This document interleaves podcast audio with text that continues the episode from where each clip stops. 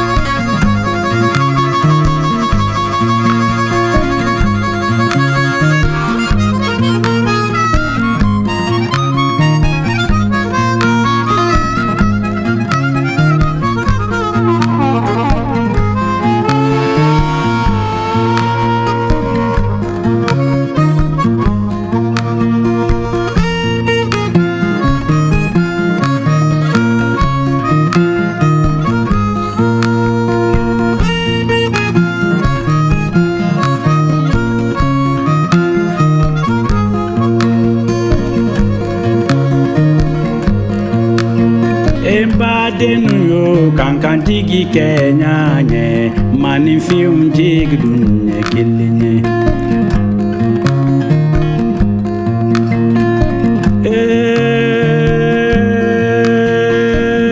Eh, Tile de ke dunarode e dunun tera tilenke yoroye.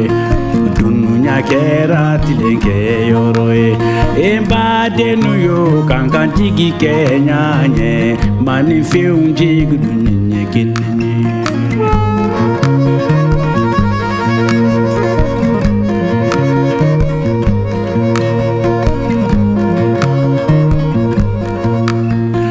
embadenuyo kankantigi kenyanye manifeunjigudunyekinini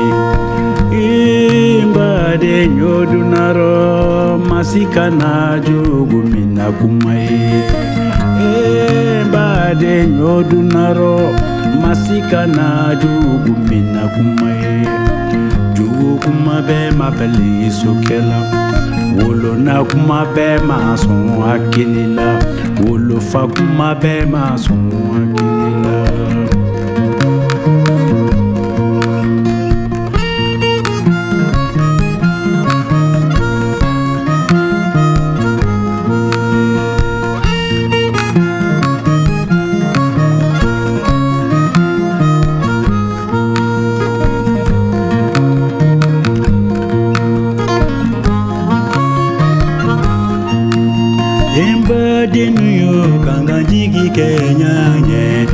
vive um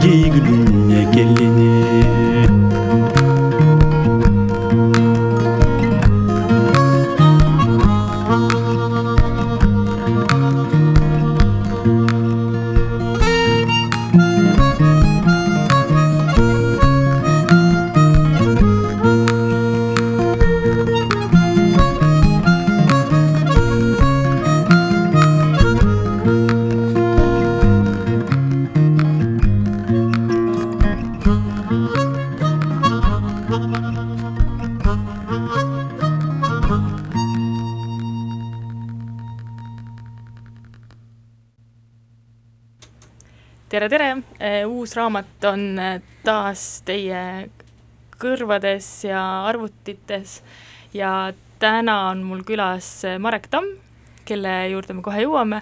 saadan hetkel tervitused Triinu emale, kellel on sünnipäev ja seetõttu Triinut täna meiega siin ei ole.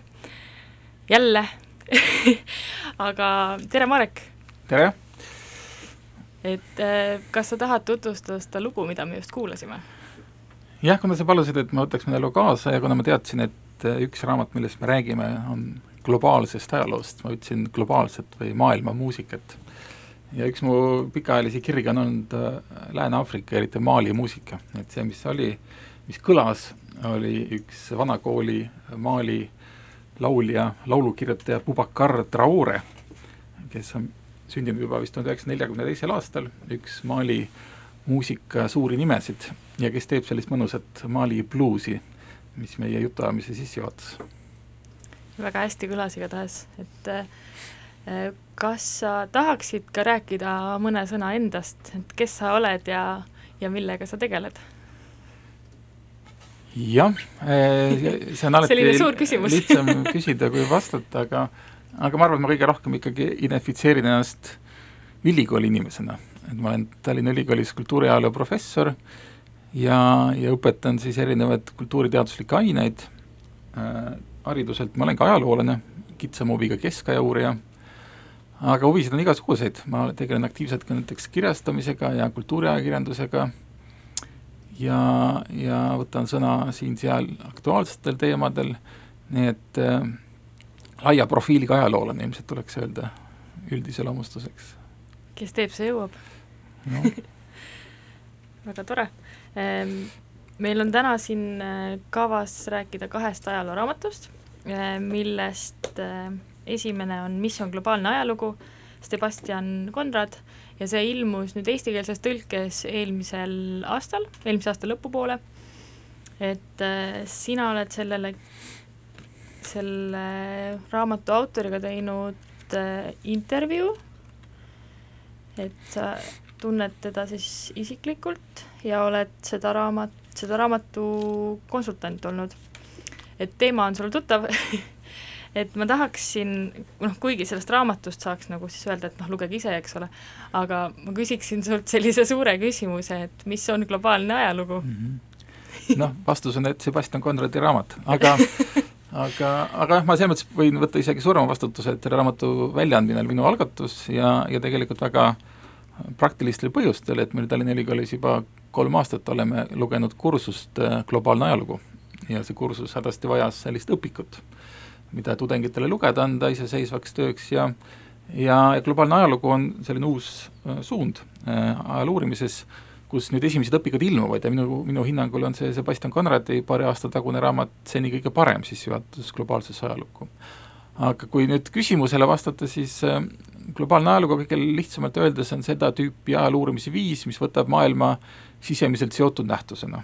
et selle asemel, et uurida üksikuid isoleeritud kas riike või mingisuguseid ajaloolisi nähtusi või isikuid, tahetakse vaadata asju nagu omavahelises seotuses, et, et see ei tähenda, et peaks uurima kõike globaalselt, ehk siis et kogu maailma ajalugu, vaid võib uurida konkreetseid inimesi, konkreetseid nähtusi, ent paigutades nad siis sellisele laiemale seoste foonile ja, ja, ja mikspärast globaalne ajalugu on nüüd esile tõusnud, seal on kindlasti ju omad loogilised põhjused.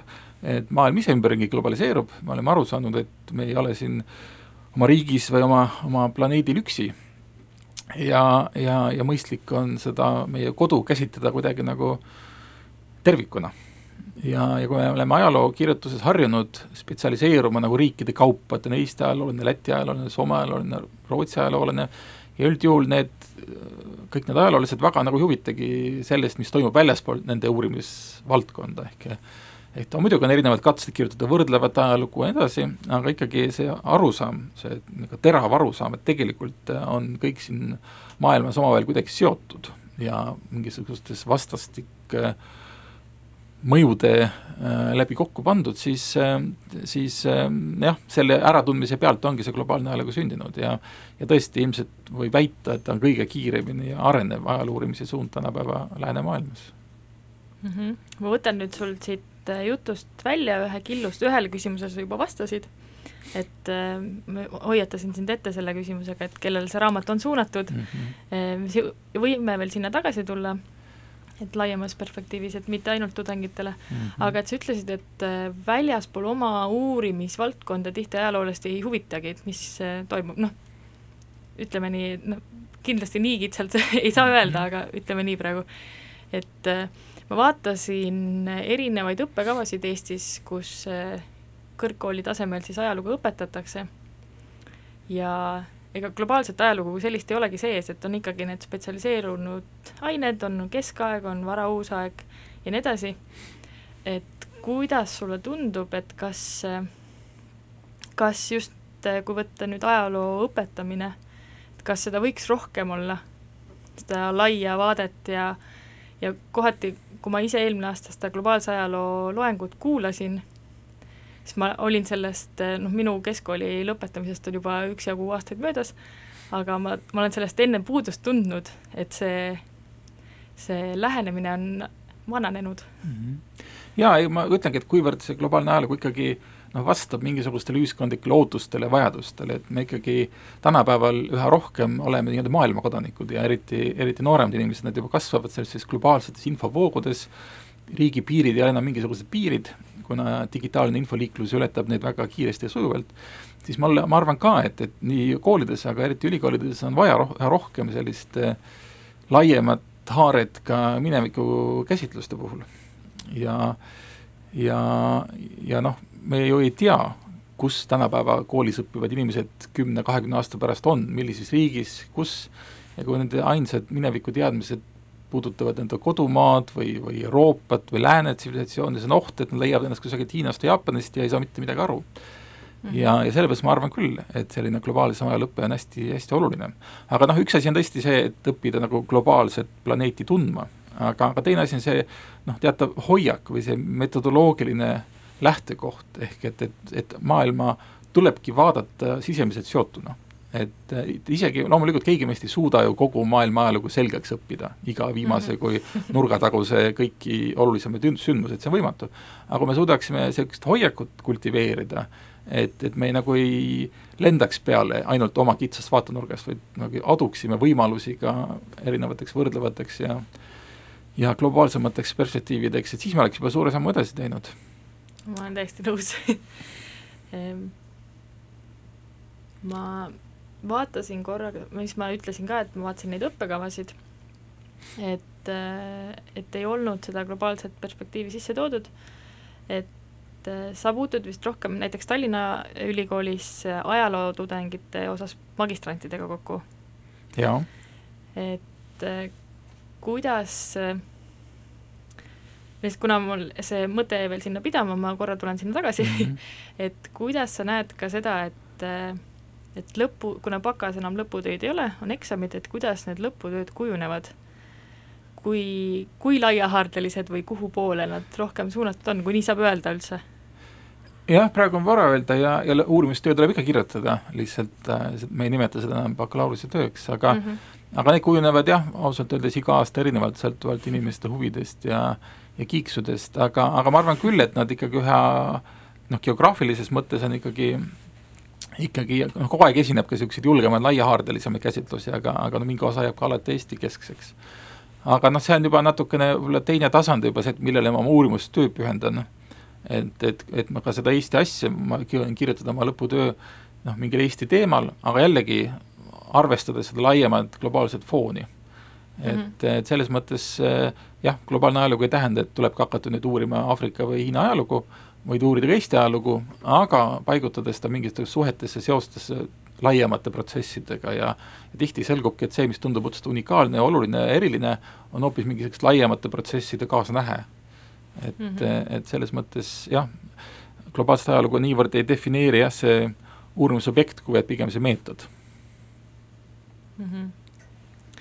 Ehm, rääkides nüüd äh, raamatust äh, või seal ajalooraamatust kui sellisest, et see on nüüd noh, suhteliselt uus uurimisvaldkond, nagu sa ütlesid, et kuidas,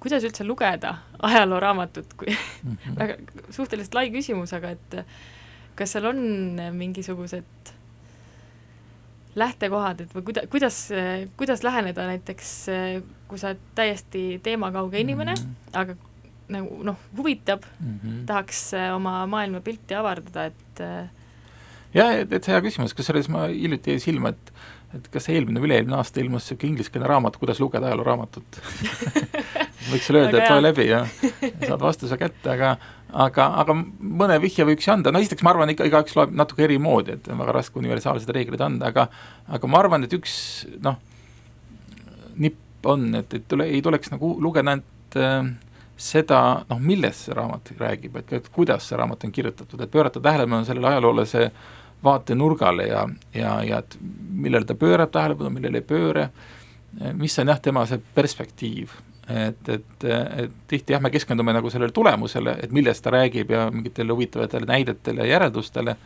aga ajalooraamatu puhul minu meelest sama oluline või teinekord ka olulisem on just nimelt see kuidas aspekt. et, et aru saada, noh jah, et, et mis, mis prillidega ajaloolane seda minevikku vaatab.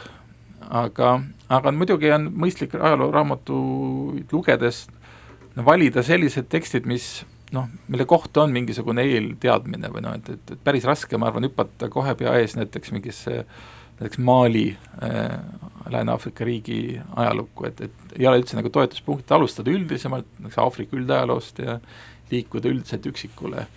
et, et ajalooteose puhul on jah, oht ikka ära kaduda selles uude informatsiooni õudselt suur mm -hmm. et, et, et peaks olema mingisugused tugipunktid, et oleks nagu leida, kuidas öelda, oma teadmistele vastav teos. aga noh, need raamatud, millest me täna ka räägime, need on, eks ole, rohkem niisugused metodoloogilised raamatud või niisugused noh, ka veidikene kõrgkooli õpiku moodi raamatud, mis ei räägigi ju niivõrd mingisugusest ajastust või riigist, vaid räägib just nimelt sellest erinevatest meetoditest ja mm. -hmm. teooriatest ja mõistetest, kuidas näiteks globaalset ajalugu või kultuuriajalugu uurida. ja, ja selles mõttes need kindlasti noh, päris sellisele laiale ajaloohuviliste publikule pole, et nad on ikkagi rohkem selline õppekirjandus, aga noh, igaüks, kes natukenegi tahab süvitsi minna ajaloo teoreetilistesse teemadesse, on see, nendel on see muidugi väga paslik lektüür.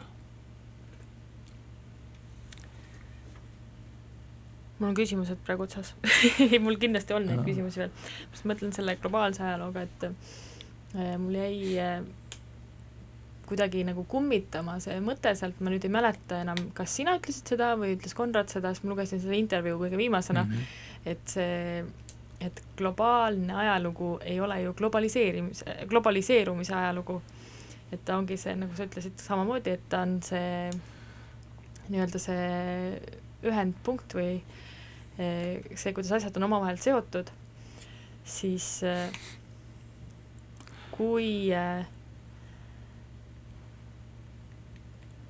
kuhu ma selle mõttega tahtsin jõuda aga see on, Et see on, see- on oluline, sest et, Mm. et noh, et tõesti teha vahet globaliseerumisel ja, ja noh, globaalsusel. mm? -hmm. et, et globaliseerumine on ikkagi eeskätt noh, majanduslik nähtus oma, oma algselt Jah. olemuselt ja globaliseerumine ikkagi viitab sellele, et maailma majandus on üha rohkem läbi põimunud ja, ja me oleme, meie planeet on nagu üks suur turg, kus kaubad liiguvad järjest kiiremini ja järjest kaugemale. ja, ja me kõik oma igapäevaelus kogeme seda, et kõik meie igasugused riideesemed või mingid tehnikavidinad, noh kõik on, ma ei tea, üle planeedi pärilt. ja, ja, ja mis oleks veel mõni aastakümme tagasi olnud täiesti mõeldamatu, et et asjad nii kiiresti levivad ja liiguvad. aga, aga, aga see on jah, kõigest üks aspekt sellest, kuidas öelda, maailma kokkutõmbumisest. Et, et, et maailm muutub tõesti üha väiksemaks ja põimitumaks ja, ja, ja, ja, ja no, omamoodi kokku tõmbunuks. et teised nähtused on näiteks, eks ole, ühendusteede, ütleme, transpordisüsteemi kiire areng, et kui lihtne on lennata ükskõik mis punkti, kui kiiresti, et me ikkagi oleme enam-vähem esimene põlvkond siin planeedil, kes suudab nagu nii kiiresti, nii sujuvalt reisida kogu niimoodi planeedi ulatuses. Loomulikult see tekitab hoopis teise tunde, et kui sa vanasti pidid äh, ma ei tea, oleneb, kuhu, me lähme, mind huvitab keskaeg, et ma ei tea, Tallinnast Lübeckisse äh, võttis aega umbes viiskümmend päeva, et minna. et praegu saab, ma ei tea, Paari tunniga. paari tunniga. et need on hoopis teine taju, ruumitaju, eks ole, ja noh, minna kuhugi Aasiasse, noh see oli kord elus. mitukümmend aastat võis see retk kesta. et, et tänapäeval see kõik, nii et ja rääkimata muidugi siis kogu digitehnoloogiast, eks ole, mis, mis võimaldab meil reaalajas suhelda ükskõik millise maailmapunktiga. Ja, ja kõik need, ühesõnaga kõik need kokku on nagu istutanud sellise äratundmise ja arusaamise, et, et maailm on üks põimunud tervik. Ja ja mis nüüd, mida globaalne ajalugu toob, ta toob sellele selliseks ajaloolise perspektiivi. et esiteks ta ütleb, et et see pole nüüd äh, päris ka esmakordne, et maailmas on olnud sellist infovahetust, kaubavahetust, suhtlemist ka varem ja tuleb seda praegust olukorda osata nagu historiseerida, panna mingisugusesse ajaloolisesse perspektiivi. ja, ja globaalsed ajaloost eriti huvitavadki need, millal hakkas selline ulatuslikum liiklus näiteks, millal kogu see maade avastamise episood ajaloos ja ja igasugused niisugused missiooniretked ja, ja igasugused äh, intellektuaalsed noh, kontaktide vahetamine ja kultuurisuhtlus ja et nagu taastada seda planeedi põimitust juba varasematel sajanditel. ja, ja mingis mõttes noh, kirjutada sellele praegusele globaliseerunud maailmale nagu mingi eellugu, et kust me tuleme ja miks me, kuhu me oleme jõudnud ja, ja miks, miks me oleme praegu siin, kus me oleme. aga jah, et selles mõttes äh, globaliseerumine on mingis mõttes nüüd ja praegu ja globaalne ajalugu just huvitab veidikene ka sellest eelloost ja varasemast äh, olukorrast Ehm, sa tõid äh, ühe märksõnana korra sisse selle digitehnoloogiad, et see on nüüd ju ka omaette see uurimisvaldkond ajaloos, digiajalugu. Mm, -hmm.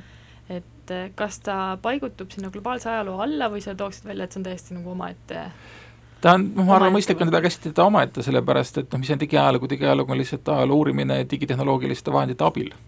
ja, ja võib uurida ka keskkonnaajalugu, globaajalugu, kultuuriajalugu, majandusajalugu, poliitilist ajalugu digitehnoloogiliste meetoditega mm. -hmm. aga, aga tõsi, et globaalses ajaloos on seda ka väga palju kasutatud, sellepärast et äh, kuna äh, globaalne ajalugu tihti ikkagi tähendab päris tööd päris suurte infoühikutega ja, ja, ja üle, üle, üle ilma, et siis digitehnoloogia tihti toob nad lihtsamini kättesaadavaks, igasugused digiteeritud materjalid ja ja võimalik mingeid niisuguseid võrgustikke modelleerida, kuidas see suhtlus liikus ja ja võimalik selliseid noh, kasutada erinevaid niisuguseid geoinfosüsteemi analüüsivahendeid, et kuidas nagu jah, ruumiliselt esitada neid, seda planeedi nagu omavahelist seotust, inimeste rändamist ja liikumist ja kirjavahetust ja liikumist ja igatpidi, et et digiajalugu ja digitehnoloogia üldisemalt on noh, globaalse ajaloo väga oluline nagu partner või selline abiline mm, -hmm. aga, aga samas tal on ka jah, omaette ja ta võib ka tõesti väga edukalt äh, olla kasutusel väljaspool globaalset ajalugu teistes ajalooharudes.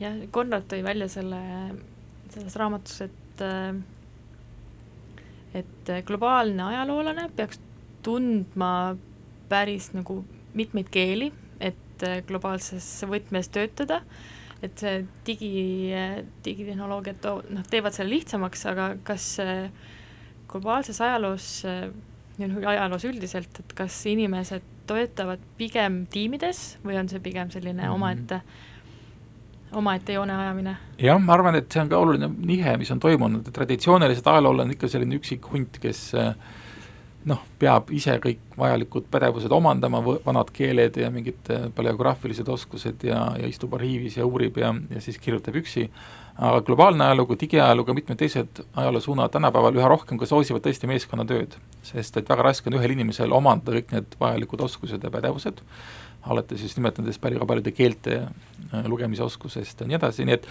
et me liigume enam niisuguse kollektiivse uurimistöö suunas ja noh, kui vaadata loodusteadustesse või, või, või täppisteadustesse, on see väga tavapärane, et inimesed mm, -hmm. teadlased töötavad nagu koos rühmades, laborites ja, ja on ka natuke see olnud nagu mahajäämus võib-olla ajaloo või laiemalt humanitaarteadustes, et, et kuidagi väga individualistlik on see, on see teaduslik mm -hmm. hoiak olnud. aga, aga see on muidugi tõsi, et, et globaalne ajalugu seab ka päris kõrgeid nõudmisi sellele, kes tahab seda viljeleda et keeleoskus on kindlasti üks, kuigi noh, ajaloolased üldiselt alati on pidanud keeli oskama. et kui sa tahad ka Eesti ajalugu uurida, siis sa ikka pead oskama saksa keelt ja vene keelt, soovitavalt ka ladina keelt ja ja, ja selles mõttes noh, sellest ei pääse nii ehk teisiti. Aga, aga tõesti on ikkagi väga soovitav, et inimene, kes tahaks tegeleda globaalse ajaluguga, et oleks ka mit-, mõni mitte Euroopa keel selge, et olgu see Hiina või Jaapan või või, või näiteks seesama Sebastian Conrad, tema eriala on, on korraga nagu Euroopa ajalugu ja Jaapani ajalugu et ta alustaski nagu Jaapani ajaloolasena ja, ja õppis selgeks jaapani keele ja, ja, ja, see andis talle mingi teise perspektiivi või niisuguse võrdleva perspektiivi, et mm -hmm. tegeledagi Euroopaga nagu veidike nagu Jaapani vaatenurgast. Ja, ja näiteks paljud, üks teine olulisemad globaalsed ajaloolased tänapäeval, Jürgen Hosterammel Saksamaalt on näiteks alustas ka Hiina uurijana.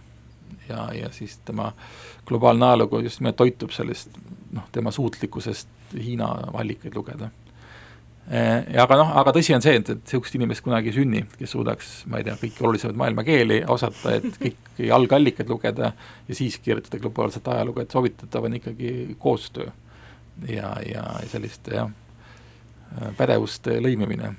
see tuletab mulle meelde ühte akadeemilist probleemi, mis just selle tiimitööga koos on, mis, et kui kirjutada koos artikleid või mhm. raamatuid, et siis et kelle nimi läheb nii-öelda selles viitesüsteemis esimeseks, see on, see on siis noh, nagu eh, kuidas seda nimetati, et kui eh, kui sa paned sisse selle inimese, uurija nime, siis kui palju on teda viidatud, et see akadeemiline eh, kuidas, kuidas seda süsteemi nimetatakse, see on nagu tsiteeritavusindeks või tsiteeritavusnäitajad on kõrge, no see on nii ja naa, et selles mõttes, et tõsi, et, et seal on sellised noh, kirjutamata reeglid, et inimene, kes teeb kõige rohkem tööd, tema nimi on esimene mm. -hmm. ja, ja, ja need võivad ka distsipliiniti erineda, näiteks loodus- ja täppisteadustes on tihti väga oluline see ka, kelle nimi on viimane.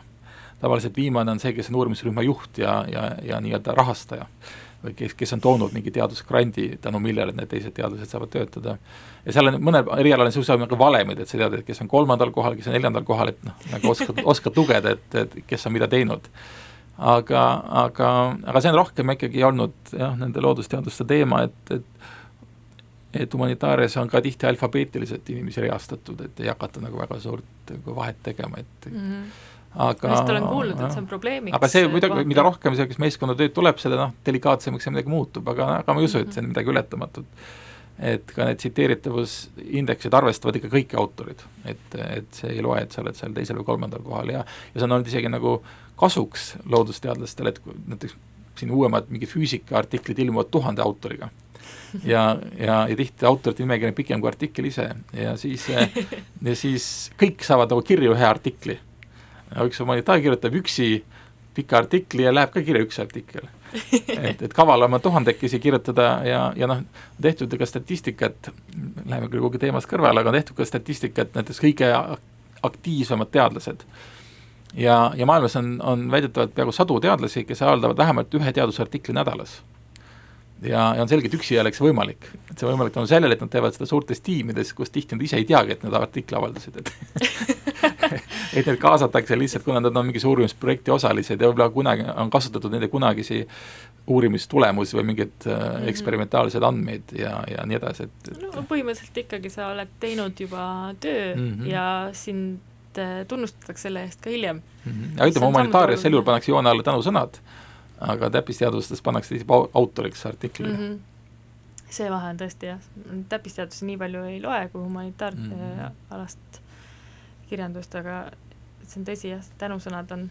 on alati omal kohal, mis on siiski ka oluline aga see tuletab meelde ühe huvitava aspekti sellest Konradi raamatust nüüd äh, jätkates ikkagi selle akadeemilise maailmaga, et äh, miks, ta tõi välja, et ähm, mis võib nagu põhjuseks olla, et miks globaalne ajalugu niivõrd nagu ülikoolidesse näiteks sisse ei ole töötatud, on äh, põhjus, et see eeldaks millegi kaotamist või mingite kohtade kaotamist, et äh, nagu me rääkisime, see äh, varasemalt välja kujunenud süsteem, et siis äh, sealt nagu jääksid inimesed tööta, mm. kes ei ole siis huvitatud sellest et selline suund no. sisse tuleks.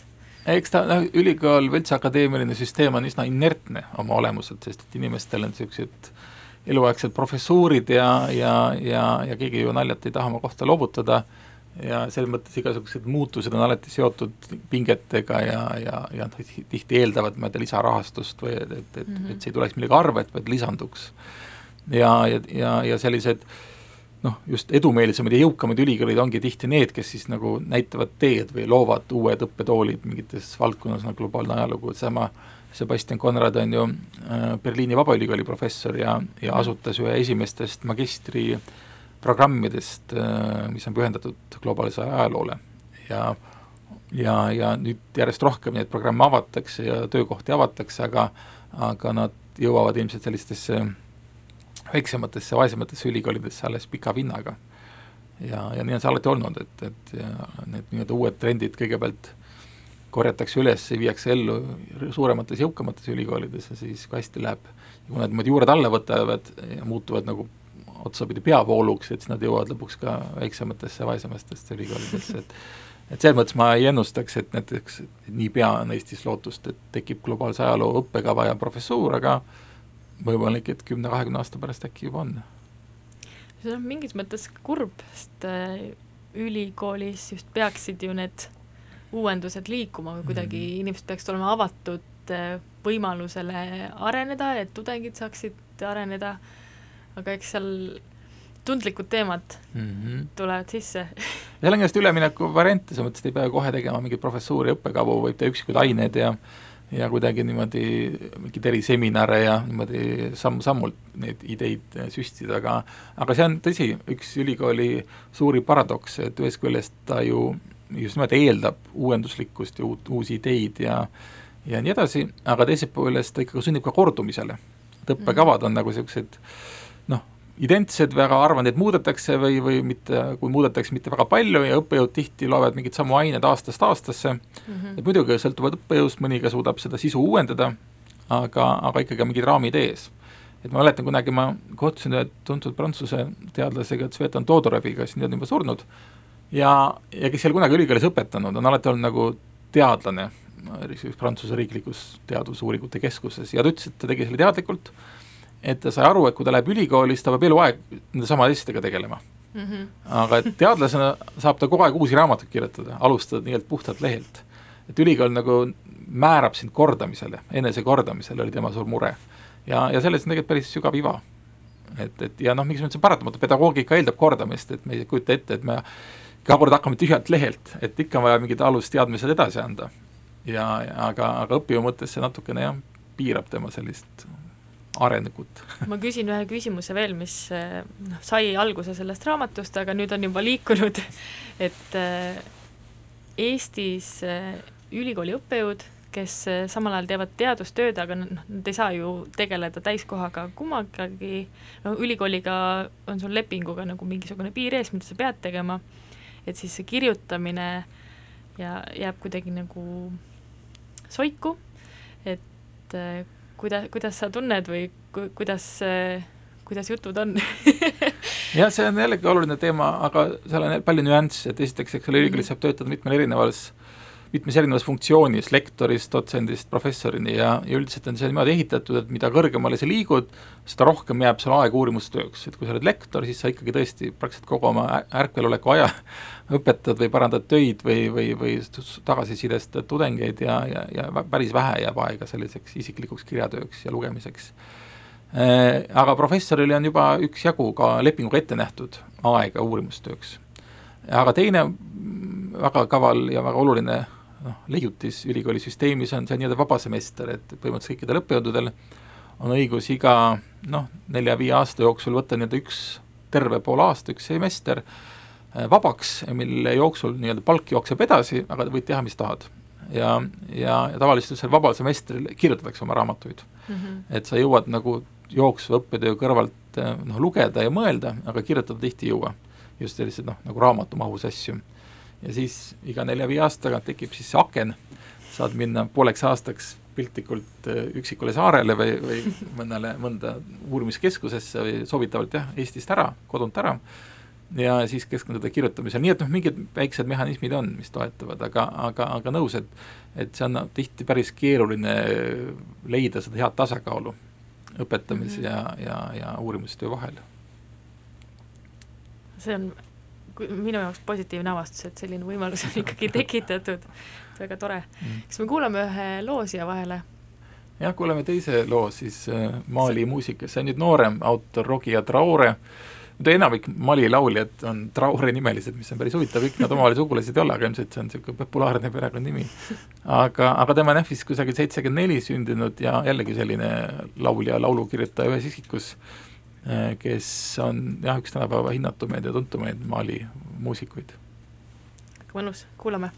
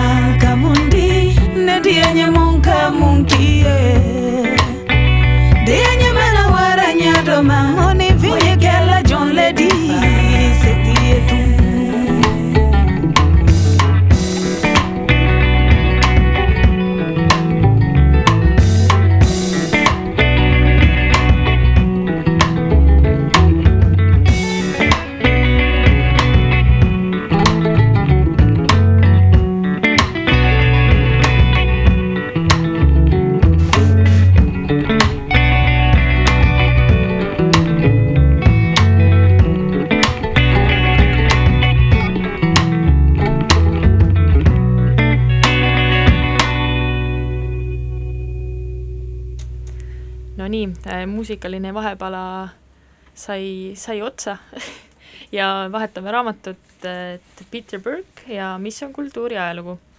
see on nüüd äh, juba kaheksa aastat tagasi meil siin eesti keelde tõlgitud ja mitte, mitte liiga palju enne seda on ta originaalis ilmunud, kas kaks tuhat kaheksa oli? Tal on ka kaks väljaannet, minu ta ilmus kõigepealt kaks tuhat neli ja siis autor tegi tast sellise uuema versiooni kaks tuhat kaheksa. jah, see täiendatud mis, mis, mis versioon. ilmus ka eesti keeles ja nüüd ilmus sellest ka mingi mõni kuu tagasi kolmas täiendatud veris-, versioon inglise keeles. et mis ka annab tunnistust, et järelikult on huvilisi. et tasub kogu aeg uuesti välja anda. kas sa tahaksid äh, lühidalt kokku võtta, mis selle raamatu nagu olulisus on äh,, enne kui ma küsin sult midagi täpsemat. Jah, vot niivõrd, kui see eelmine raamat, mis on globaalne ajalugu, oli siis sissejuhatus, eks ole, globaalse ajaloo uurimisse ja meetoditesse, siis see nüüd kaardistab äh, kultuuriajaloo võimalusi ja Peter Burke on kindlasti üks kõige tuntumaid elavaid kultuuriajaloolasi, Cambridge'i ülikooli kultuuriajaloo emeriitprofessor, juba üle kaheksakümne aasta vana praeguseks, tuleb muidu juuni lõpus Tallinnasse esinema ühele konverentsile ja kus nad siin varemgi käinud ja, ja, ja ta tõesti siis annab niisuguse väga ladusa linnulennulise ülevaate nii kultuuriajaloo kujunemisest kui ka kultuuriajaloo olulisematest suundadest ja, ja, ja meetoditest, lähenemistest ja, ja noh, ta on ikkagi ka algselt mõeldud sellise kõrgkooli õpikuna, aga, aga kindlasti loetav ka igale kultuuriajaloo huvilisele. mm. -hmm.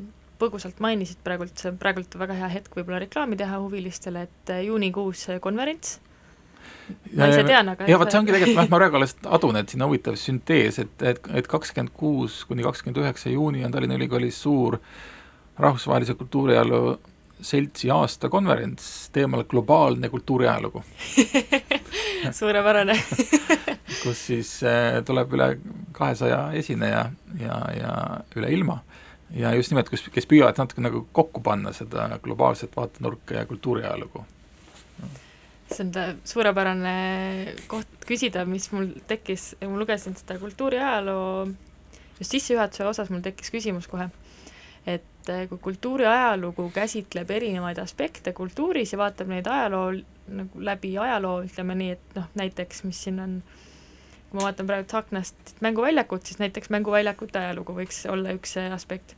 siis mul tekkis nagu küsimus, et eh, kui ta võtab ühe ühe mingisuguse nähtuse ja vaatab seda läbi ajaloo ja selle kujunemist, siis äh, mis see nagu kõige suurem erinevus on kultuuriajalool ja globaalsel ajalool Mhm. kas nii võib üldse küsida, et sa võid mulle öelda, et see on täiesti nagu rumal küsimus, aga mul, ei, see on hea küsimus ja, mõte- ja ega ei olegi väga risk, väga, väga, väga lihtne öelda, et noh, põhimõtteliselt äh, ütleme, et peaks alustama sellest, et, et mis on üldse kultuuriajalugu ja ja kultuuriajalugu on siis eeskätt selline ajaloosuund, mis uurib tähendusi minevikus, tähendusloomet, kuidas inimesed asju ette kujutasid, mõtestasid, et nad juur-, et kultuuriajaloo on ju, ei uuri mitte seda mänguväljakut, et millest see tehtud on ja millist materjali kasutatud, palju see kellelegi tulu tõi või palju seal keskmiselt nädalas lapsi mängimas käib, et vaid et pigem, et kuidas nagu äh, kujutati ette vaba aja veetmist ja milline oli laste tähendus ühiskonnas ja ja laste vanemate suhted ja, ja laste omavahelised suhted, ühesõnaga ta tegeleb jah, niisuguste elu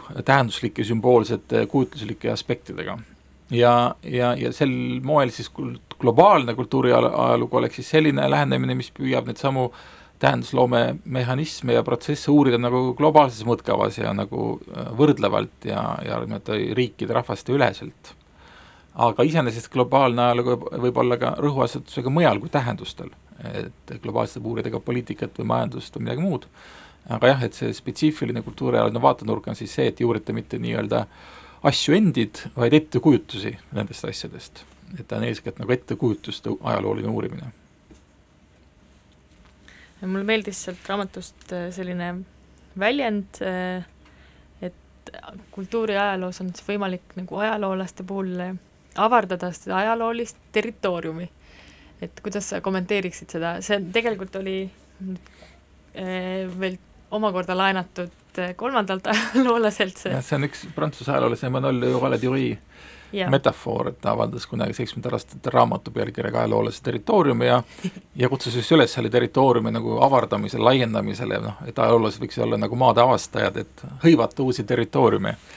ja, ja kultuuriajalugu on tõesti olnud see ajaloos suund, kus, mis on ehk kõige julgemalt äh, niimoodi püüdnud avastada uusi maid ja, ja ja noh, uurida teemasid, mida teised on pidanud nagu ebaoluliseks või, või suisa nagu frivoolseks, et igast unenägude kultuuriajalugu ja söömise ja, ja, ja magamise ja ja, ja kõikide erinevate elu, inimeluga seotud aspektide nagu kultuuriajalugu ja ja noh, praeguseks on tõesti raske juba leida teemat, mida poleks kultuuriajaloo vaatenurgast viimastel aastakümnetel puudutatud. nii et nad on jah, mingis mõttes nagu vabastanud ajaloole sellest hirmust, et äkki mu uurimisteema pole piisavalt tõsine mm. -hmm. et tegelikult äh, Riia ei riku meest, ehk see uurimisobjekt ei riku ajaloolast, et võib uurida väga huvitavalt, väga kasulikult ka midagi esmapilgul täiesti, täiesti mm, sekundaarset või kuidagi isegi jah, ebasündset. jõudes tagasi selle mänguväljaku juurde, siis see on nagu ajaloolase mänguväljak, kus sa saad valida no, jah, mulle on alati meeldinud see metafoor, et, et mida me ikkagi teeme, noh, teadlastena laiemalt, et me mm, valime endale mänguväljaku ja mängime seal ja, ja me, me mängime, eks ole, läbi erinevaid mingeid küsimusi, erinevaid mõisted, erinevad toor-, teooriad ja läbi, mängime need läbi, läbi mingil materjalil liival, ehk siis mingitel allikatel või mingisugustel tekstidel või piltidel või fotodel või äh, et mingis mõttes on see oma olemuselt mäng, aga väga oluline suurte panustega tähtis mäng. aga, aga võiks muidugi alendada endale tunnistada, et ta jääb ikkagi mingis mõttes ka mänguks. Ja oluline, et, et mängus on ka reeglid et ka teaduses on reeglid, et tuleb ikkagi mängida reeglite kohaselt. Kuna ma vaatan, et meil on kuskil kümme minutit, siis ma küsin ühe küsimuse, mille muidu oleks lõppu jätnud, aga et me kindlasti jõuaksime selleni, siis eh, Peter Burke'i kohta on siis öeldud, et ta on justkui ajaloosuundade teenäitaja või kuidagi etteennustaja, et kuhu poole ajalugu liigub siis äh, tuli selline huvitav fakt välja, et sa oled äh, temaga koos raamatut toimetanud, mis täpselt seda küsimust mm -hmm. käsitleb, et kas sa tutvustaksid? jah, Böökil on tõesti, on sihuke hea nina, et ta on nagu öeldud juba kaheksakümne aastane ja, ja veel ka sellises eas alati nagu tajub, kus tuuled puhuvad.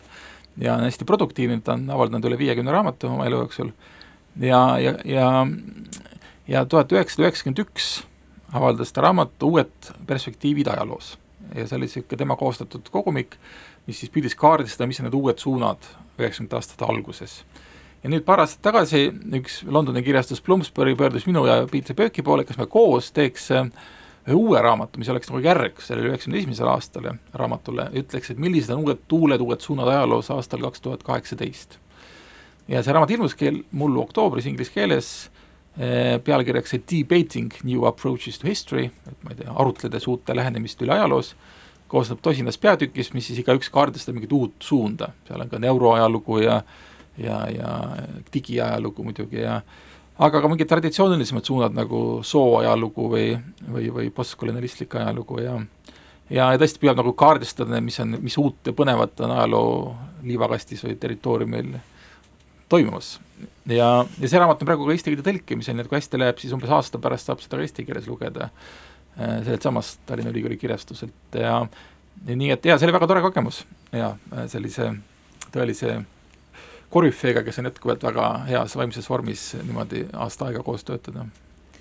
kohe kü-, ma pean küsima, et äh, kas kui Bloomsbury tegi selle pakkumise, et kas kas võib nagu mõelda, et sa oled järgmine Peter Burke et see nina nagu hakkas tööle, et kuhu võiks siis edasi? Ei noh, teda muidugi järgi ei tee, sest tema tõesti eruditsioon ja, ja haare on, on väga suur, aga, aga selles mõttes see on meile midagi ühine, et meid mõlemaid huvitab, eh, mis uut on juhtumas, et ega ega ajalugu iseenesest on väga konservatiivne valdkond, enamik ajaloolasi on pigem nuusutavad minevikku, mitte tulevikku ja, ja, ja selles mõttes ma olen pigem nagu ebaharilik, et mind ikka huvitab, mis on juhtumas tulevikus, mitte ainult see, mis oli. ja tegelikult ma väidangi, et, et me ikkagi esitame minevikule neid küsimusi, mis on meil olulised siin olevikus ja mis tunduvad olulised tulevikus. et mingis mõttes me kõik oleme sellised oleviku ajaloolased, isegi kui me arvame, et me uurime minevikku. aga, aga et see meid ühendab jah, aga, aga noh, muus osas ma ei, tema mantlipereks ei pretendeeri aga see oleviku ja tuleviku suhe iseenesest, sellest ju tihti räägitakse, et õpitakse ajalugu selleks, et aru saada sellest, mis toimub olevikus ja mis on nagu tulemas mingite reaktsioonide põhjal, mis ühiskonnas äh, toimuvad. et äh, no kui me tuleme nüüd selle glo-, globaalse juurde tagasi mm, -hmm. et äh, et kuidagi need protsessid, mis praegult ühiskonnas laiemalt toimuvad, mis ei ole ju nagu Eestis on ka, USA-s hästi tugevalt ja nagu teistes riikides ka, et see noh, mingis mõttes oleme nagu jõudnud ju lääne, läänemaailma või kuidas me ütleme nüüd, Euroopa riigiks, kui me Eesti näitel räägime, ja siis samas on nagu mingid äh, vastujõud, et see ajalooliselt nagu selle vaatlemine, et see ju pakub huvi ajaloolastele samuti. No igal juhul see globaalne ajalugu on mingis mõttes nagu vastus, eks ole, meie ajastu küsimustele ja ja võimalik, et ta annab ka mingit tuge või, või teadmist, kuidas nagu suhtuda nendesse probleemidesse, mida globaliseerumine tekitab. sest on selge, et globaliseerumine ei ole ju ainult selline üks ilus õnnelik lugu, vaid äh, globaliseerumisel on palju ohvreid, võiks öelda mm, -hmm. paljud, kes kaotavad oma senised positsioonid ja oma töökohad ja üks globaliseerumise tagajärg on just nimelt see, et, et töö liigub sinna, kust on seda odavam teha ja tellida ja, ja tänu sellele väga paljud inimesed läänemaailmas jäävad oma tööst ilma.